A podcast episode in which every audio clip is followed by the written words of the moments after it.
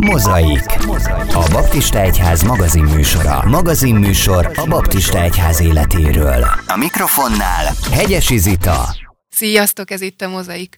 A mai napon, március 8-án ünnepeljük a Nemzetközi Nőnapot, amely a nők iránti megbecsülés és tisztelet kifejezésének a napja. A mai adásban ehhez mérten a nőkről beszélgetünk Révész Szilvia motivációs előadóval, akinek több könyve is született, kifejezetten a nők kérdéseire, kihívásaira reagálva. Szia, Szilvi! Sziasztok! Ahogy utána néztem a, a nőnapnak, azt olvastam, hogy a, a nőnapi eredete az inkább mozgalmi, a nők egyenjogúságával kapcsolatos ilyen demonstratív nap volt. Ma inkább a kiemelt figyelemről vagy a megbecsülésről szól, illetve sok szervezet ilyenkor hívja fel a figyelmet a nők ellen elkövetett bántalmazásokra is. Te miben látod a nőnapnak az értékét vagy a célját? Mit tapasztalsz akár a környezetedben, akár saját magadban? Miért fontos, hogy megünnepeljük a március 8-át?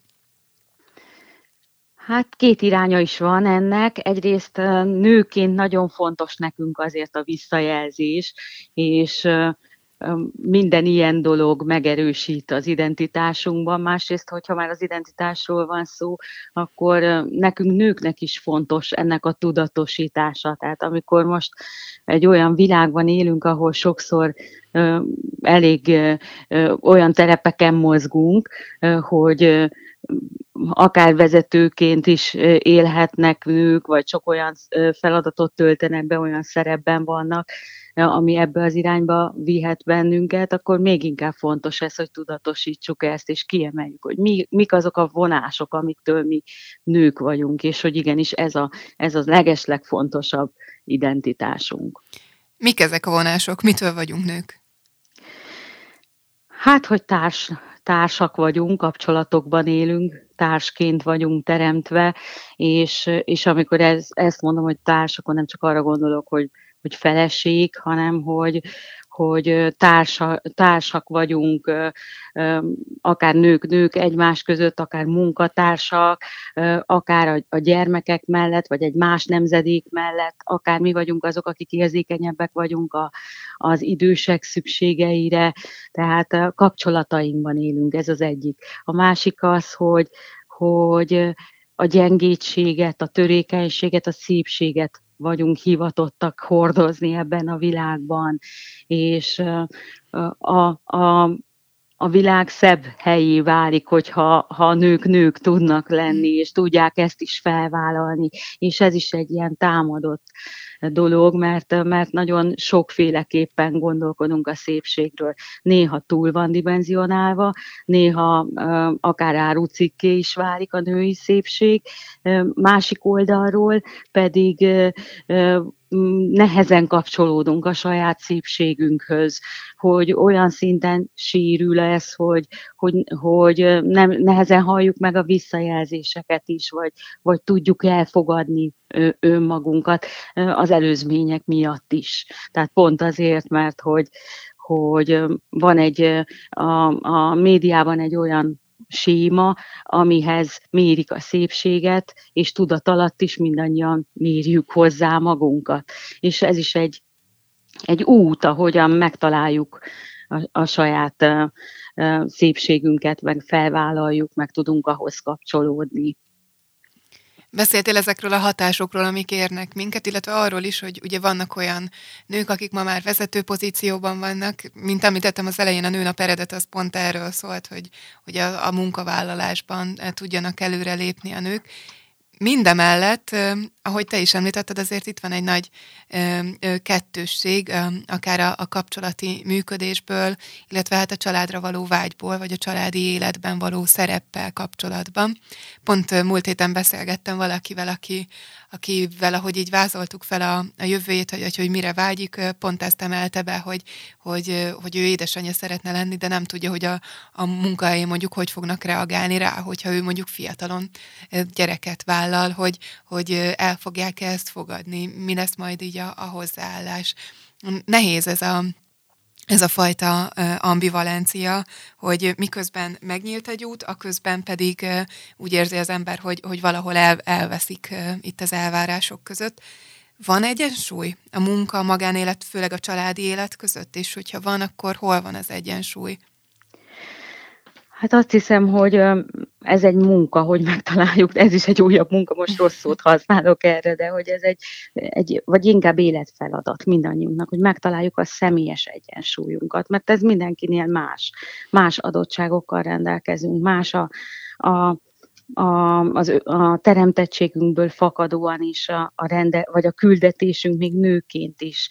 Valakinek az anyaság dominánsabb, az, az, az, azok a, az ajándékai vannak, és az az elsődleges életre szóló feladata, és más kapcsolataiban is nagyon könnyen anyaként kapcsolódik. Tehát akár az anyaságról is gondolkodhatunk így is, hogy nem csak addig tart, vagy nem csak, nem csak anyaként lehet megélni. Mert mm. ha arra gondolunk, hogy, hogy lehetünk valakinek a lelki anyjai, vagy a munkatársaink között is, a munkahelyen helyen is lehetünk támogatók, valakinek a, a, a bátorítói. Tehát valakinek ez, ez a, az, ami a, ami a lényének egy erősebb része. Aztán valaki a, a egy életfeladatban teljesedik ki, és, és mondjuk gyerekkorai óta érzi azt, hogy, hogy mondjuk tanár szeretne lenni, tanítani tud, arra van ajándéka, és, és annak meg a, a, a, az anyaságot nehezebb integrálni az életében. Tehát ez egy, egy feladat, hogy, hogy megtaláljuk az egyensúlyt, és hogy, hogy azt is érzékeljük, hogy, hogy mikor, minek van az ideje. Mert a különböző életszakaszokban máshol van az egyensúly. Tehát a, a, az anyaságnak csak egy adott életszakaszban van realitása, és akkor kell ezt megéljük, akkor nem a karrier kell, hogy domináljon, a karrier az dominálhat előtte, vagy dominálhat utána. Tehát a női élet szakasz, vagy az életpályát ez is nehezíti, hogy nem egy egy olyan standard, amit mondjuk, hogyha 25 évesen megtalálom, hogy igen, hol vannak az erősségeim, hogyan rendezem be az életem, hogy akkor majd 40 évesen is így jó lesz, meg 50 vagy 60, hanem, hanem ez egy folyamatos munka, és, és ezért azt hiszem, hogy ha valaha jelentősége volt az önismeretnek, meg annak, hogy, hogy tudjunk reflektálni önmagunkra, a körülményeinkre, a felelősségeinkre, akkor, akkor most a 21. században még inkább így van. Azt mondják, hogy a 20. század a nők évszázada volt, hiszen tényleg rengeteg lehetőség nyílt meg előttünk, de úgy, ahogy te is mondtad, hogy ezek a lehetőségek, ezek sokszor inkább összezavarnak. Persze ne, nehezen mondjuk ki, vagy nem, nem ezt kommunikáljuk, hanem ezek a kimondatlan nyomások rajtunk. Ráadásul még van egy olyan nyomás is rajtunk, hogy mindezt azért csináljuk úgy, hogy kívülről ne látszódjon. És keveset beszélünk erről, hogy igen, te is ezt érzed, te is ezt érzed, te is ezt érzed, és az is, aki úgy tűnik, hogy milyen gördülékenyen megy neki, annak is megvannak a maga dilemmái és harcai, és és az is másik oldalról pedig nagyon rászorul az Istenre. Tehát sokszor ezek a dilemmák Istenhez is passzíroznak bennünket, hiszen ő az, aki választhatott arra, hogy ki vagyok én, most mi a, az elsődleges feladatom, mit kell elengedjek, mit kell megragadjak, mire kell fókuszáljak. Úgyhogy így lehet áldás az a, az a valóság, amiben élünk, hogy, hogy kell egy, egy élő kapcsolódás a környezetünkhöz, önmagunkhoz is, az Istenhez, és hogyha van társunk, házastársunk, akkor értelemszerűen ő hozzá is, hiszen ha elköteleződtünk egy kapcsolatban, akkor minden mindenkit érint. Tehát nem csak, akkor már nem csak rólam van szó, és nem csak az én döntésem, hiszen előtte azt mondtam, hogy, hogy együtt fogjuk csinálni, és hűséges leszek hozzád kiemelted ezt a, az önismeretnek a fontos szerepét, azért nehezített terepen van az ember, hiszen, hiszen nem is csak az, hogy egyféle helyről érkezik felé elvárás, hanem különböző hely, helyzetekből teljesen ellentétes elvárásokkal találkozhatsz. Mondjuk egy munkahelyről lehet az elvárás a karrierépítés, a család részéről a, a család alapítás, és akkor így, így valahogy az ember próbál lubickolni, vagy, vagy valahogy ev, evickelni a, a, az elvárások közepette. Kiemelted az Istennel való kapcsolatnak a szerepét ebben, hogy, hogy ő tudja megmutatni, hogy hogyan hogyan érdemes jól döntenünk. Milyen módokon lehet így Istenre kapcsolódni ilyen tekintetben? Hogy találhatnak a nők ebben segítséget? Azért sok szakirodalom is van, rengeteg ö, csoport az interneten, ö, rengeteg könyv, keresi az ember az útját, de hogy találja meg ebben azt a, azt a hangot, ami, ami nem, nem valakinek az élettörténete, hanem, hanem az Istennek a, uh-huh. a mhm. hozzávaló szóló hangja? Hát sok olyan szó elhangzott abban, amit mondtál, ami úgy közben beindított bennem gondolatokat. Itt még a valakinek az élettörténete, meg, meg hogy milyen külső hatások érnek, arra érdemes kitérni, hogy, hogy igen, ezt is tudatosítanunk kell, hogy, hogy a, a sokkal láthatóbb mások élete. Tehát egy olyan kultúrában élünk, ahol, ahol a, a közösségi médiában mindenki megosztja önmagát, és mindenki a, a sikereit osztja meg, meg az én, ényének az erős oldalát, és, és azt, és sokszor nőként egyfajta önmegerősítés is ez. De, hogyha nekem az a gyengém, akkor mélyen tud ez érinteni. Uh-huh. Tehát ezt is helyesen kell tudni kezelni. Ez már egy fontos dolog. Aztán, hogyha az Istennel való kapcsolatra gondolunk, akkor fontos az, hogy, hogy tőle kapjunk kijelentéseket arra, hogy hogyan lát bennünket, hogy, hogy, hogy megértsük azt, hogy, hogy szeretettek vagyunk, és elfogadottak vagyunk. Akkor is, ha semmit nem teljesítünk, akkor is ugyanolyan szeretettek vagyunk, mint amikor a legsikeresebb életszakaszunkban vagyunk. És, és ezért fontosá vált nekem például az az ige a 2, 2 Korintus 12.9-ben, hogy elég neked az én kegyelmem, mert az én erőm erőtlenség által ért célba. Tehát, hogy, hogy, hogy nem, nem szégyen az erőtlenségünkhöz is, vagy a határainkhoz is, vagy a korlátainkhoz is kapcsolódni, mert Isten abban is szeret, és abban is elfogad. És, és amikor ez, ez az üzenet megérkezik a szívünkhöz, akkor felszabadulunk sok-sok nyomás alól, hogyha ha az ő elfogadását és szeretetét át tudjuk élni. Aztán a, A másik fontos üzenet még, hogy ugye beszéltünk arról, hogy sokféle modell van, és sok, sokféle életpálya, és sok minta van előttünk. És a Róma beliekhez írt levélben írja azt Isten igéje, hogy boldog az, aki nem kárhoztatja magát abban, ami felől döntött. Tehát azt hiszem, hogy, hogy a döntés meghozatala fontos, hogy, hogy ez egy tudatos döntés legyen, egy tudatos választás is, ahogy itt az ige mondja, hogy, hogy utána nem kárhoztatom magam, mert én választottam azt. Szabad akaratból, nem, nem azért, mert mások válták tőlem, nem azért, mert, mert a kényszer vitt erre a pályára, vagy mert láttam egy jó mintát, és azt gondoltam, hogy engem is azt tesz boldogá, hanem tudom, hogy miért csinálom azt, amit csinálok. Tudom, hogy miért vagyok most otthon, és miért mondtam le arról, hogy előre menjek a karrierbe. Tudom, hogy ezek az évek visszahozhatatlan évek, és tudom, hogy, hogy az a legértékesebb, amit most a gyermekembe tudok tenni. E, és, e, és ez megint ahhoz vezet, hogy, hogy megtanulni a mában élni, a jelenhez kapcsolódni, és abban megtenni azt, ami akkor a dolgunk. Azt mondta, e, Eli Wieser mondja azt, hogy, hogy tanuljunk meg vágyakozni azután, ami a miénk. Hm. És ez, ez egy nagyon nagy titok, hogyha ugye nőként bennünket sokszor így az álmok is mozgatnak, hogy már kicsi lányként elképzeljük, milyen lesz majd, ha mennyasszonyok leszünk, vagy hogy milyen lesz, hogyha elkezdem a pályám. Aztán, amikor elkezdtem a pályám, akkor arra gondolok, hogy jaj, már szeretnék egy babát. Aztán, amikor megszületett a babám, akkor arra gondolok, hogy bárcsak már átaludná az éjszakát, vagy bárcsak már visszamehetnék dolgozni. Aztán, amikor visszamentem dolgozni, akkor bárcsak már megnőnének és önállóbbak lennének, és aztán, amikor kirepülnek a családi fészekből, akkor pedig elkezdődik a visszafele nosztalgiázás, hogy ó, amikor még itthon voltak, vagy vagy a nyugdíjas években, hogy ó, amikor még szükség volt rám.